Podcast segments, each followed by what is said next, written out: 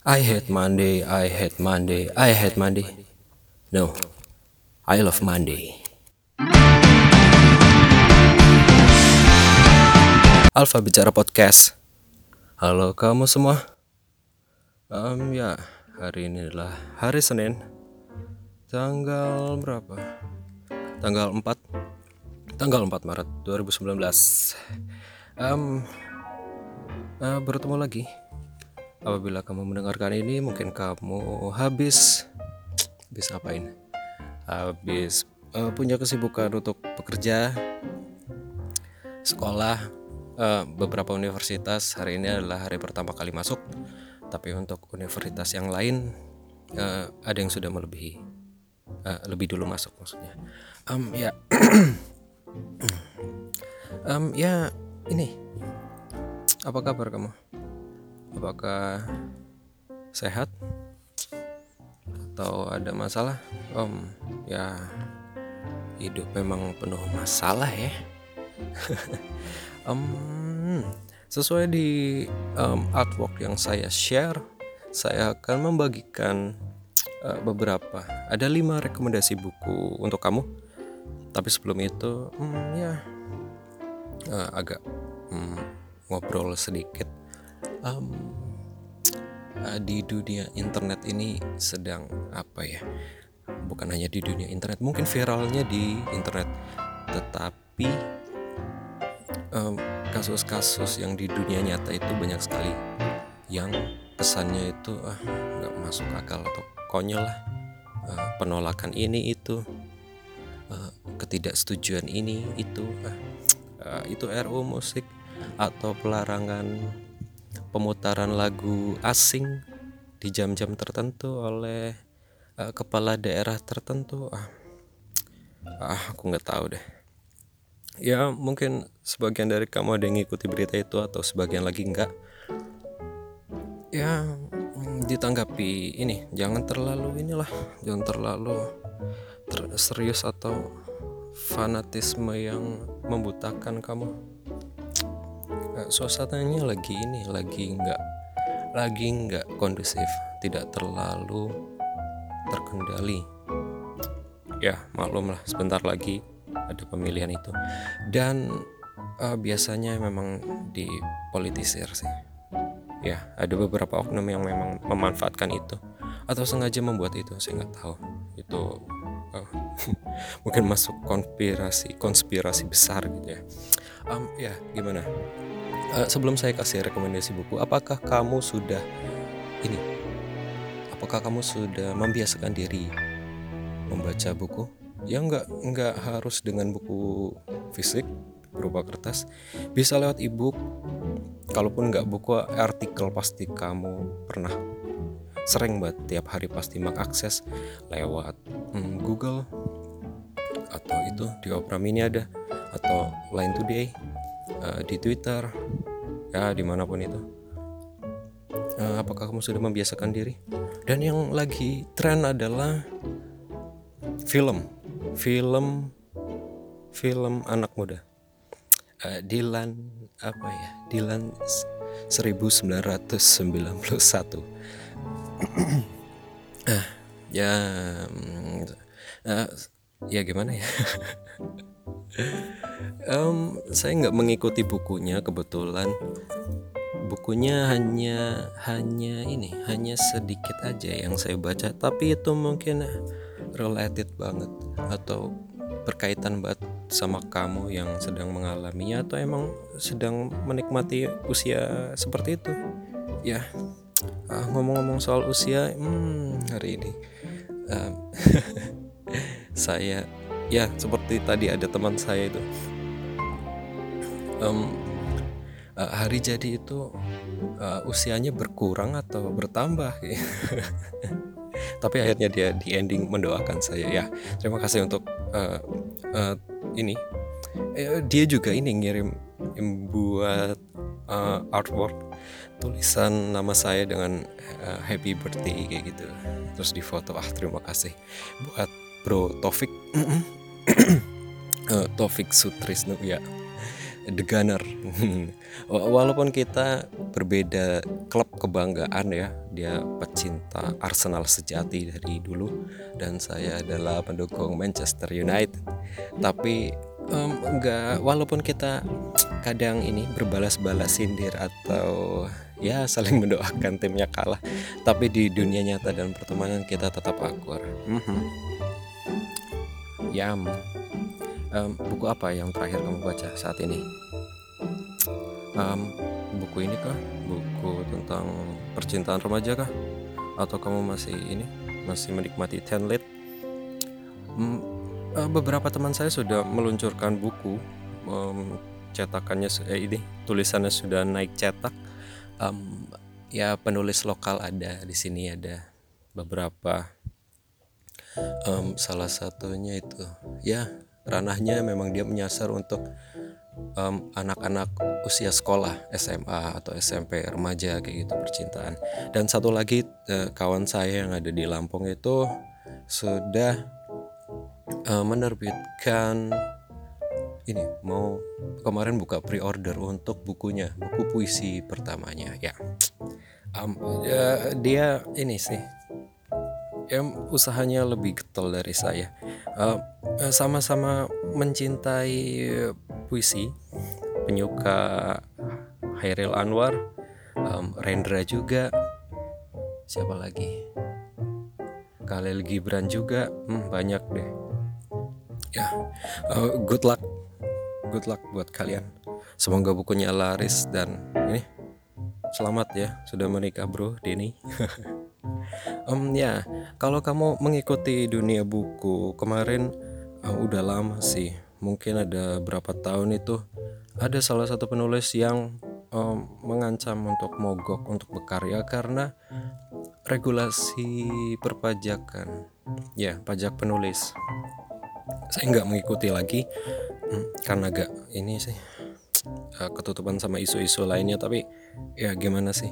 Kamu lebih suka buku lokal atau buku ini terjemahan atau penulis-penulis luar? Dan apakah kamu lebih suka untuk mendengarkan yang percintaan? Hmm ya mungkin ini. Nggak um, apa-apa sih. Euforia Dylan itu lagi naik. Walaupun emang sebenarnya uh, saya tahunya bukunya itu udah lama jauh sebelum tahun-tahun ini.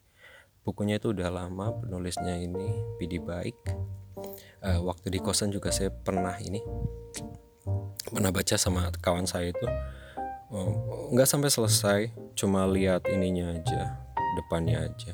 Um, uh, sejujurnya sih saya ya saya suka untuk menulis menulis hal seperti itu di blog sudah. Tapi untuk membaca dan menikmati um, dengan apa yang saya buat mirip-mirip dengan saya yang buat karakternya agak sama saya uh, agak ini agak merasa bosan. Akhirnya saya memilih untuk mencari referensi buku-buku baru. Ya siapa tahu dengan membuka ini membuka diri untuk melihat referensi buku-buku baru yang di luar dari kesukaan itu akan menambah uh, value akhirnya pengetahuan pertama dan nanti uh, kemampuan atau skillnya itu bisa upgrade gitu. harapannya saya sih seperti itu. Uh, kalau kamu gimana? Um, itu saya juga ini walaupun saya ini di di artworknya nulis uh, apakah ini? Uh, ketika, ketika cinta bertasbih itu. Saya juga baca. Um, salah satu karya penulisnya adalah novel pertama yang saya selesaikan. Saya baca sampai selesai. Dan itu emang ini sih nggak nggak kerasa nggak kerasa bacanya tiba-tiba kok udah selesai. Padahal itu bukunya tebalnya lumayan. Dan itu bukunya juga bersambung. Itu bagus bang sorry lagi hmm, nggak mm, enak tenggorokan. Hmm, apa lagi ya? Ya itulah. Um, kamu bisa baca buku lewat mana aja. Nggak harus dengan buku fisik e-book juga ada. Tapi ini kamu jangan download yang ilegal ya. Yang bentuk PDF ya ya bukannya menafik sih. Tapi kalau kamu download yang seperti itu kasihan publisher dan penulisnya. Kasihan. Kasihan banget. Menulis menulis buku itu perlu kecakapan tersendiri butuh imajinasi butuh usaha yang kuat untuk menyelesaikan buku dan saya juga nggak selesai selesai. Yang kalau kamu menikmatinya dengan bajakan hmm, nggak. Yang yang buat nggak dapat apa-apa dong kasihan. Dan ya um, langsung langsung aja apa enggak nih ya? Saya pengen ngomong tapi ngomong apa? Hmm. oh ya tadi kan saya dikirimi ini karena saya lagi ada ini pertambahan usia um, dikirimin hadiah sama kawan saya. Uh, hadiah apa yang membuat kamu merasa ini banget? Hadiah yang spesial buat dari kawan atau orang-orang terdekatmu? Kalau saya udah lama nggak nggak dapat apa-apa. Ucapan dan doa itu udah cukup udah cukup ini berarti. Dan ditambah lagi tadi saya sih seneng banget sih. Um, um, nggak bukan hal yang dibeli bukan bukan bukan hasil dari menyisihkan uang tapi dibuat dengan karya tangan sendiri terus dikirimkan ke orangnya. Kayaknya itu ini uh, sangat spesial sekali ber, berbekas gitu. Ya seperti um, ya. Oke okay. 5 rekomendasi buku buat kamu. Um, yang pertama saya kemarin ini sudah menyelesaikan beberapa buku. Ada banyak buku yang ada di rumah. Dan salah satunya yang akan kas saya kasih rekomend buat kamu. Saya tidak bukannya membenci buku-buku tentang percintaan ya. Bukan seperti itu. Tapi buat membuka ini aja sudut pandang baru aja atau wawasan baru. Karena di era sekarang informasi dan permasalahan makin kayak ada aja ada aja yang muncul permasalahan kamu harus ini membackup atau me, me, me, menyiapkan ini perlindungan diri dengan pengetahuan-pengetahuan dan ini yang lebih dan Nomor satu, saya rekomendasikan buku ini. Judulnya Black Beauty oleh Anna Sewell. Black Beauty ini saya suka banget bukunya karena um, ringan, dibaca ringan, tidak terlalu berat, bercerita tentang kuda, kuda hitam, kehidupan kuda-kuda yang lain, berpindah dari satu tuan ke tuan lainnya, dan di sana mereka itu ini hidup di zaman sebelum ada mobil. Mungkin tahun 1800-an kayak gitu. Sekitar segitu. Dan Anna Sewell ini um, menceritakan kehidupan seorang kuda yang di dalamnya itu kayak ini deh. Kayak kita sedang didongengin sama orang ketika kecil kayak gitu. Karena bukunya sangat ringan. Banyak isi ini isi diisi oleh banyak uh, wisdom wisdom kayak gitu. Nasehat nasehat tentang kehidupan lalu sindiran sindiran halus tentang kehidupan. Di buku ini kamu akan bisa merasakan betapa senangnya si kuda ini ketika mendapatkan atau berjodoh dengan tuan yang baik dengan dengan tabiat dan sikap yang baik.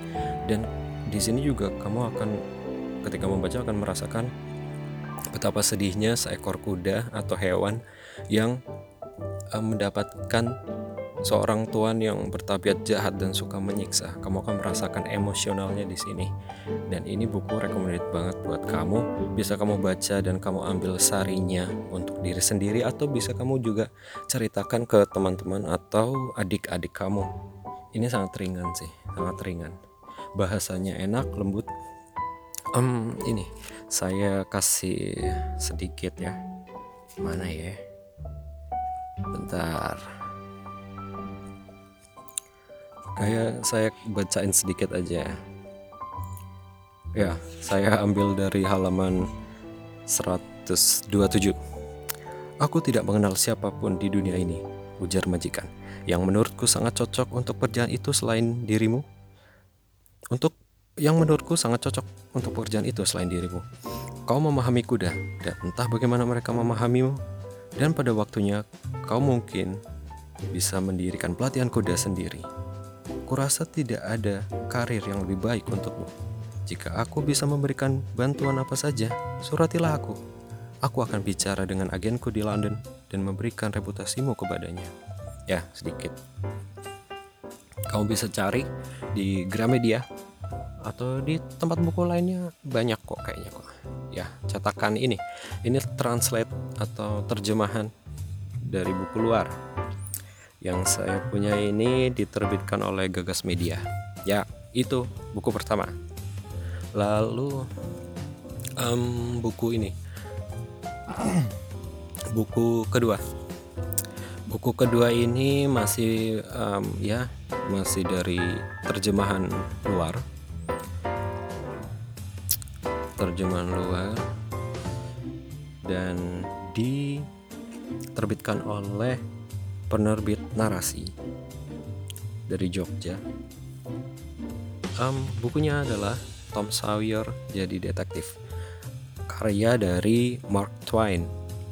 Tom Sawyer ini bercerita tentang anak kecil anak kecil dan temannya.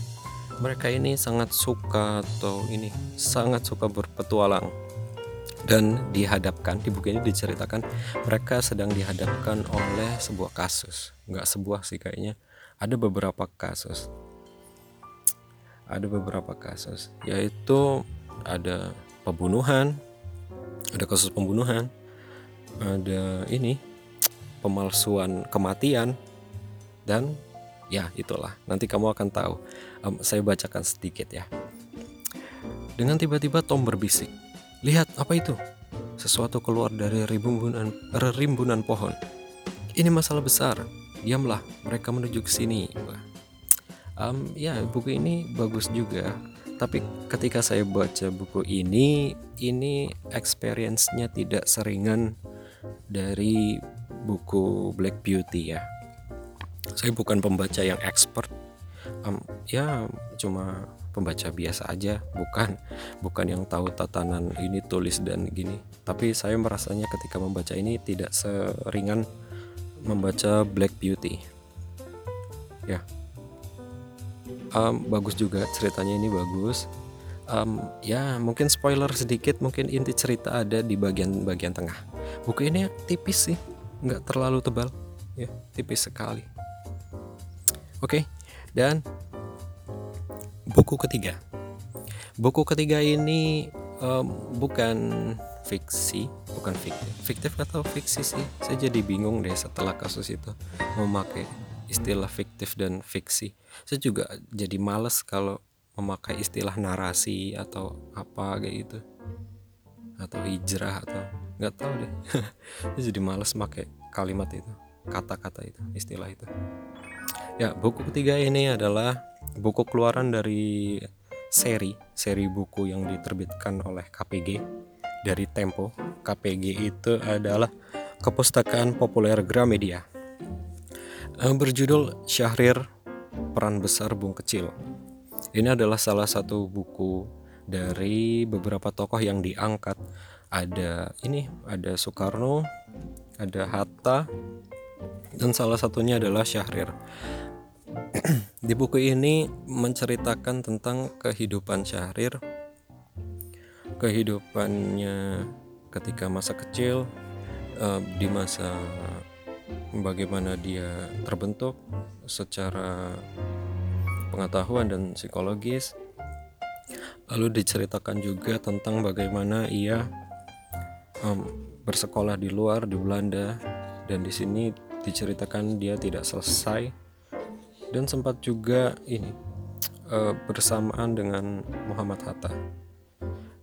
Bagaimana dia uh, saya baca um, ya diceritakan tentang asal usulnya sebagai anak Minang terus uh, kisah-kisahnya ketika di pembuangan di pengasingan dan bagaimana dia uh, pernah beberapa kali bertemu dan mengenal seorang Soekarno dan beberapa kali juga dia agak uh, bertentangan dengan Soekarno itu.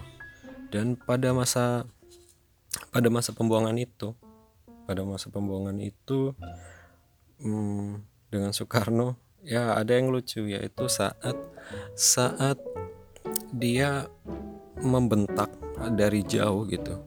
Saat Soekarno mandi karena di buku ini diceritakan ketika Soekarno mandi itu dia suka sekali bernyanyi gitu sampai suaranya terdengar dari dari luar. Dan si ini Bung Syahrir ini nggak suka dengan itu. Ya agak lucu. Kita akan diberikan diceritakan eh, cerita-cerita uh, lain. Jadi bentuknya bukan seperti cerita cerita buku-buku pelajaran sejarah tapi lebih ke lebih enak, lebih mengalir bahasanya. Kita diselipi beberapa foto, terus cerita-cerita yang tidak beberapa yang tidak diangkat dan juga ini cerita percintaannya dengan istrinya itu. Eh, bagaimana dia berkomunikasi jarak jauh lalu menikah dan akhirnya harus berpisah dan dia harus menempati sisa hidup di pengasingan ya banyak sekali ya itu dan yang ke keberapa? Yang keempat. Yang keempat ini masih dari se satu seri buku yang sama yang diterbitkan oleh KPG dari Tempo. Dan yang saya rekomendasikan adalah yang ini Hatta. Hatta jejak yang melampaui zaman.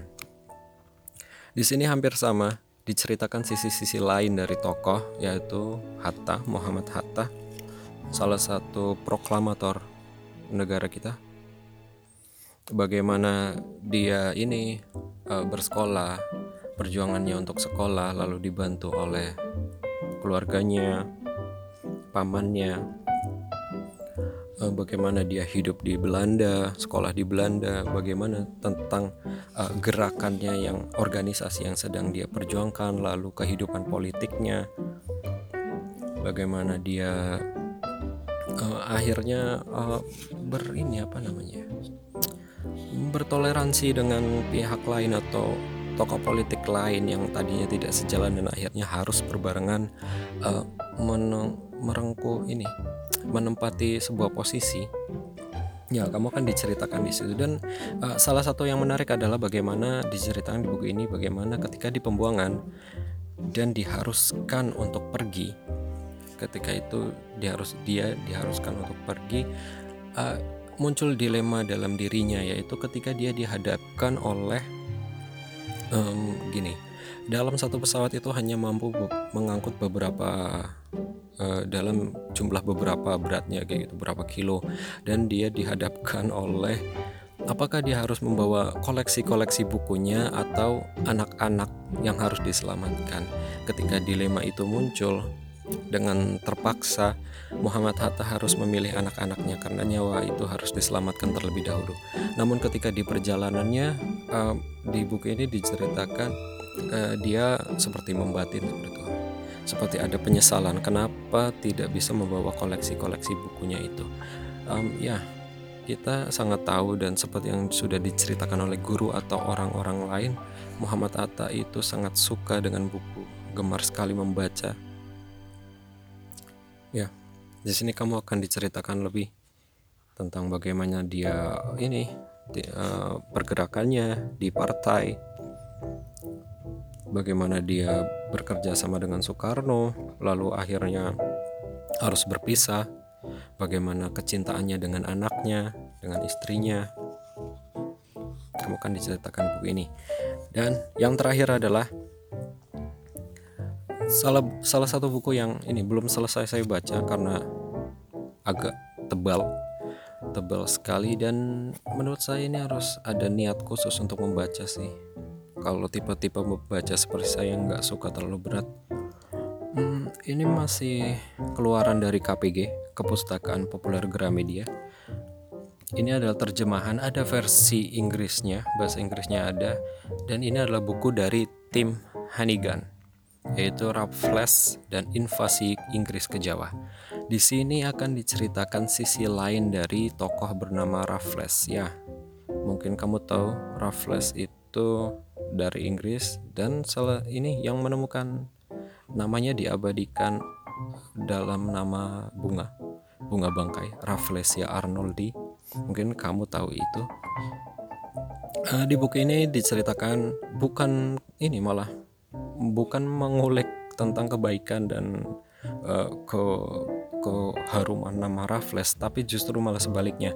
Di buku ini diceritakan tentang bagaimana Raffles itu karir dari seorang Raffles yang hmm, ya bisa dibilang ya mungkin ini di di awal-awal bukunya diceritakan tentang ironisnya bagaimana di kehidupan umum kita ada selentingan atau ya guyonan bercandaan semacam ini?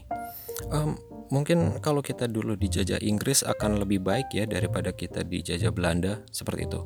Uh, dibuka dengan kalimat seperti itu lalu sang penulis ini mulai mulai mengulik satu persatu tentang Raffles bagaimana dia punya sifat yang sombong dan licik bagaimana ketidaktahuannya tentang adat Jawa waktu itu?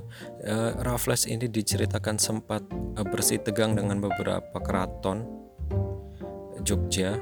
Um, salah satunya yang ada di buku ini adalah ketika uh, adat duduk dengan sultan itu uh, yang lain harus lebih rendah daripada Sultan dan Raffles ini menolak. Dan akhirnya ya karena ketidaktahuan dan kesoktahuan mungkin ya akhirnya agak bersih tegang. Dan walaupun diceritakan dengan sudut pandang lain dengan sisi yang agak buruk seperti itu tapi uh, buku ini juga menceritakan kenapa uh, bagaimana Raffles itu juga punya sifat yang uh, anti ini anti menyerah, pantang menyerah, punya kerja keras yang tinggi dan ambisi, ambisius, ambisinya juga banyak dan tinggi. Tapi itu sering kali dia menggunakan berbagai macam cara, menghalalkan segala cara. Uh, saya baca sedikit mungkin. Bagi sementara, uh, sementara kalangan, Nama Thomas Stamford Raffles harum sebagai pendiri Singapura dan tokoh visioner liberal di tengah zaman kolonialisme Eropa. Namun ceritanya bukan cuma itu. Tim Haningan mengungkap, mengungkapkan sisi lain Raffles yang tampak ketika dia berkuasa di Jawa. Seseorang yang bermimpi menjadi penguasa tertinggi di Jawa, meluluh lantahkan keraton Yogyakarta, mempermalukan raja dan pangeran pribumi memicu pembantaian di Palembang, dan mencoba menerapkan sistem sewa tanah yang mengubah ekonomi di Jawa. Ya, ini agak agak tebal sih. Saya baru baca sedikit, ya mungkin hampir setengah. Um, justru malah ini, ya karena mungkin tipe tipe saya bukan yang suka ini, suka membaca yang berat. Tapi ini penting juga. Saya jadi tahu beberapa hal yang mungkin di luar sana sudah jadi um, rahasia umum dan ternyata ya tidak sepenuhnya benar atau ya mungkin bisa mengubah atau membuka sudut pandang lain. Ya kalau kamu kelewatan atau lupa tadi saya merekomendasikan apa aja ini. Ada satu yaitu tadi Black Beauty dari Anna Sewell. Tom, Sa Tom Sawyer dari Mark Twain, ada Syahrir peran besar Bung Kecil yang diterbitkan oleh KPG, salah satu serial dari Tempo dan ada juga sa salah satu serial dari Tempo terbitkan oleh KPG juga yaitu Hatta, Jejak yang Melampaui Zaman dan yang terakhir adalah Tim Hanigan, Raffles dan Invasi Inggris ke Jawa. Um, buku ini mungkin ya um, buku pertama dan kedua Black Beauty dan Anna ini dari Anna Sewell dan Tom Sawyer dari Mark Twain mungkin agak mm, menurut saya membuka ini membuka imajinasi kita lalu menangkap mm, pelajaran. Apalagi Black Beauty ini buku yang sudah sangat terkenal. Tom Sawyer juga di luar sana sudah banyak yang diterjemahkan ke dalam bahasa lain. Banyak sekali pesan moral yang terdapat di dua buku ini. Dan untuk yang ketiga buku selanjutnya itu adalah tentang pengetahuan bagaimana tentang tokoh-tokoh perjuangan kita yaitu Muhammad Hatta dan Sultan Syahrir. Supaya tidak ada miskonsepsi um, setiap tokoh perjuangan setiap tokoh itu pasti punya sisi positif dan negatif. Tidak ada sosok yang uh, jangan mengagungkan satu sosok seolah mereka tidak punya kesalahan dan dosa gitu dan buku ini membuka membuka salah satu ini. Ya sudut pandang itu. Dan yang terakhir ini dari tim Haningan soal Raffles itu juga bagus juga. Kita jadi jadi tahu jadi tahu bagaimana bagaimana seorang Raffles itu. Dan sebenarnya tokoh ini tidak hanya mencari apa buku ini tidak hanya menceritakan soal Raffles justru malah menceritakan tokoh-tokoh lain selain Raffles yang dianggap oleh buku ini lebih punya ini lebih yang seharusnya tokoh itu lebih dipuji daripada Raffles yang lebih berpengaruh. Banyak sekali tokoh-tokoh di sekitarnya yang sebenarnya seharusnya lebih dikenal daripada Raffles. Um, ya, ya buku ini menarik banget. Dan ya, bagaimana? Apakah kamu puas ataukah kamu sudah pernah membaca buku-buku yang saya rekomendasikan? Silahkan diceritakan saja di komen. Um, jangan lupa dikirim ya saran, kritik dan curhatannya ya. Um, kemarin sudah ada yang curhat mau saya bacain sekarang apa enggak ya? uh, ya gitu apakah kamu sudah membacanya dan kalaupun ada yang terlewat dan mungkin ada rekomendasi atau referensi buku bagus lain yang tidak saya sebutkan bisa disebutkan aja atau nanti komen aja di kolom Instagram. Atau juga ya kamu kirim kritik email saran dan cerita ke email di alfabicara podcast at gmail.com atau silakan like di halaman Facebooknya. Sudah ada halaman Facebooknya di Alfa Bicara Podcast. Hmm ya silakan cerita. Apa saya ceritakan aja ya? Um, cerita kemarin. Ya saya nggak nggak akan membacakan sumber ceritanya dari mana. Biarkan itu anonim. Um, privasi kan. Nanti malu. Hmm, ya. Jadi gini saya kemarin bacanya kemarin. Saya ingat-ingat aja ya. Um, jadi orang ini orang ini bercerita curhat pada saya kayak gitu. Halo Alfa bicara saya mau cerita ya um, uh, saya sedang mengalami dilema.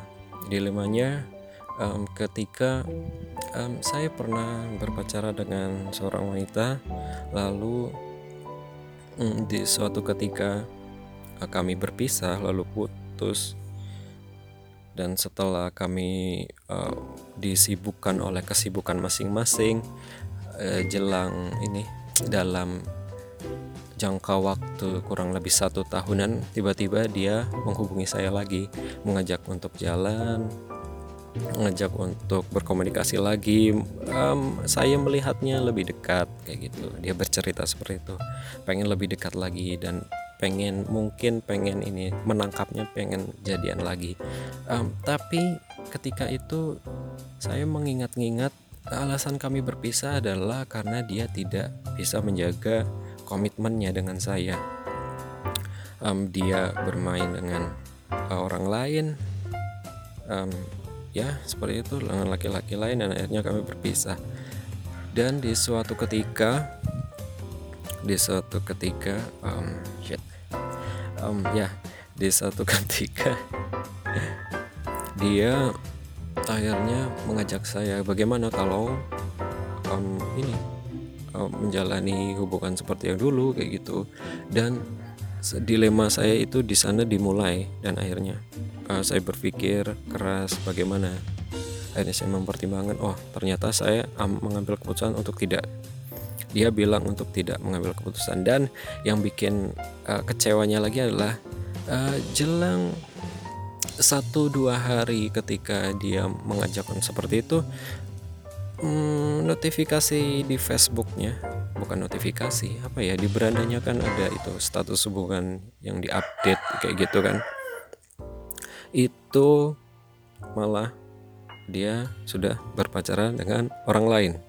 Tepat setelah si orang ini yang bercerita ini menolak ajakan tersebut. Dan ya wah what the hell? Hmm. apa yang dipikirkan orang itu coba? Ya e, kalau kamu bertanya pada saya ya bagaimana saya harus ini menjelaskan seperti ini? Ya di satu sisi saya senang bisa dekat lagi karena belum ada yang mengisi tapi saya juga takut khawatir karena uh, dia juga sebenarnya tidak belum bisa berubah dan belum bisa berkomitmen. Ya keputusan yang sudah kamu ambil ya benar sih dan justru kamu keputusanmu pendapatmu itu uh, diperkuat dengan fakta setelah itu dia akhirnya lebih memilih orang lain dan sangat cepat. Nggak mungkin itu nggak mungkin terjadi kalau benar-benar emang suka ya.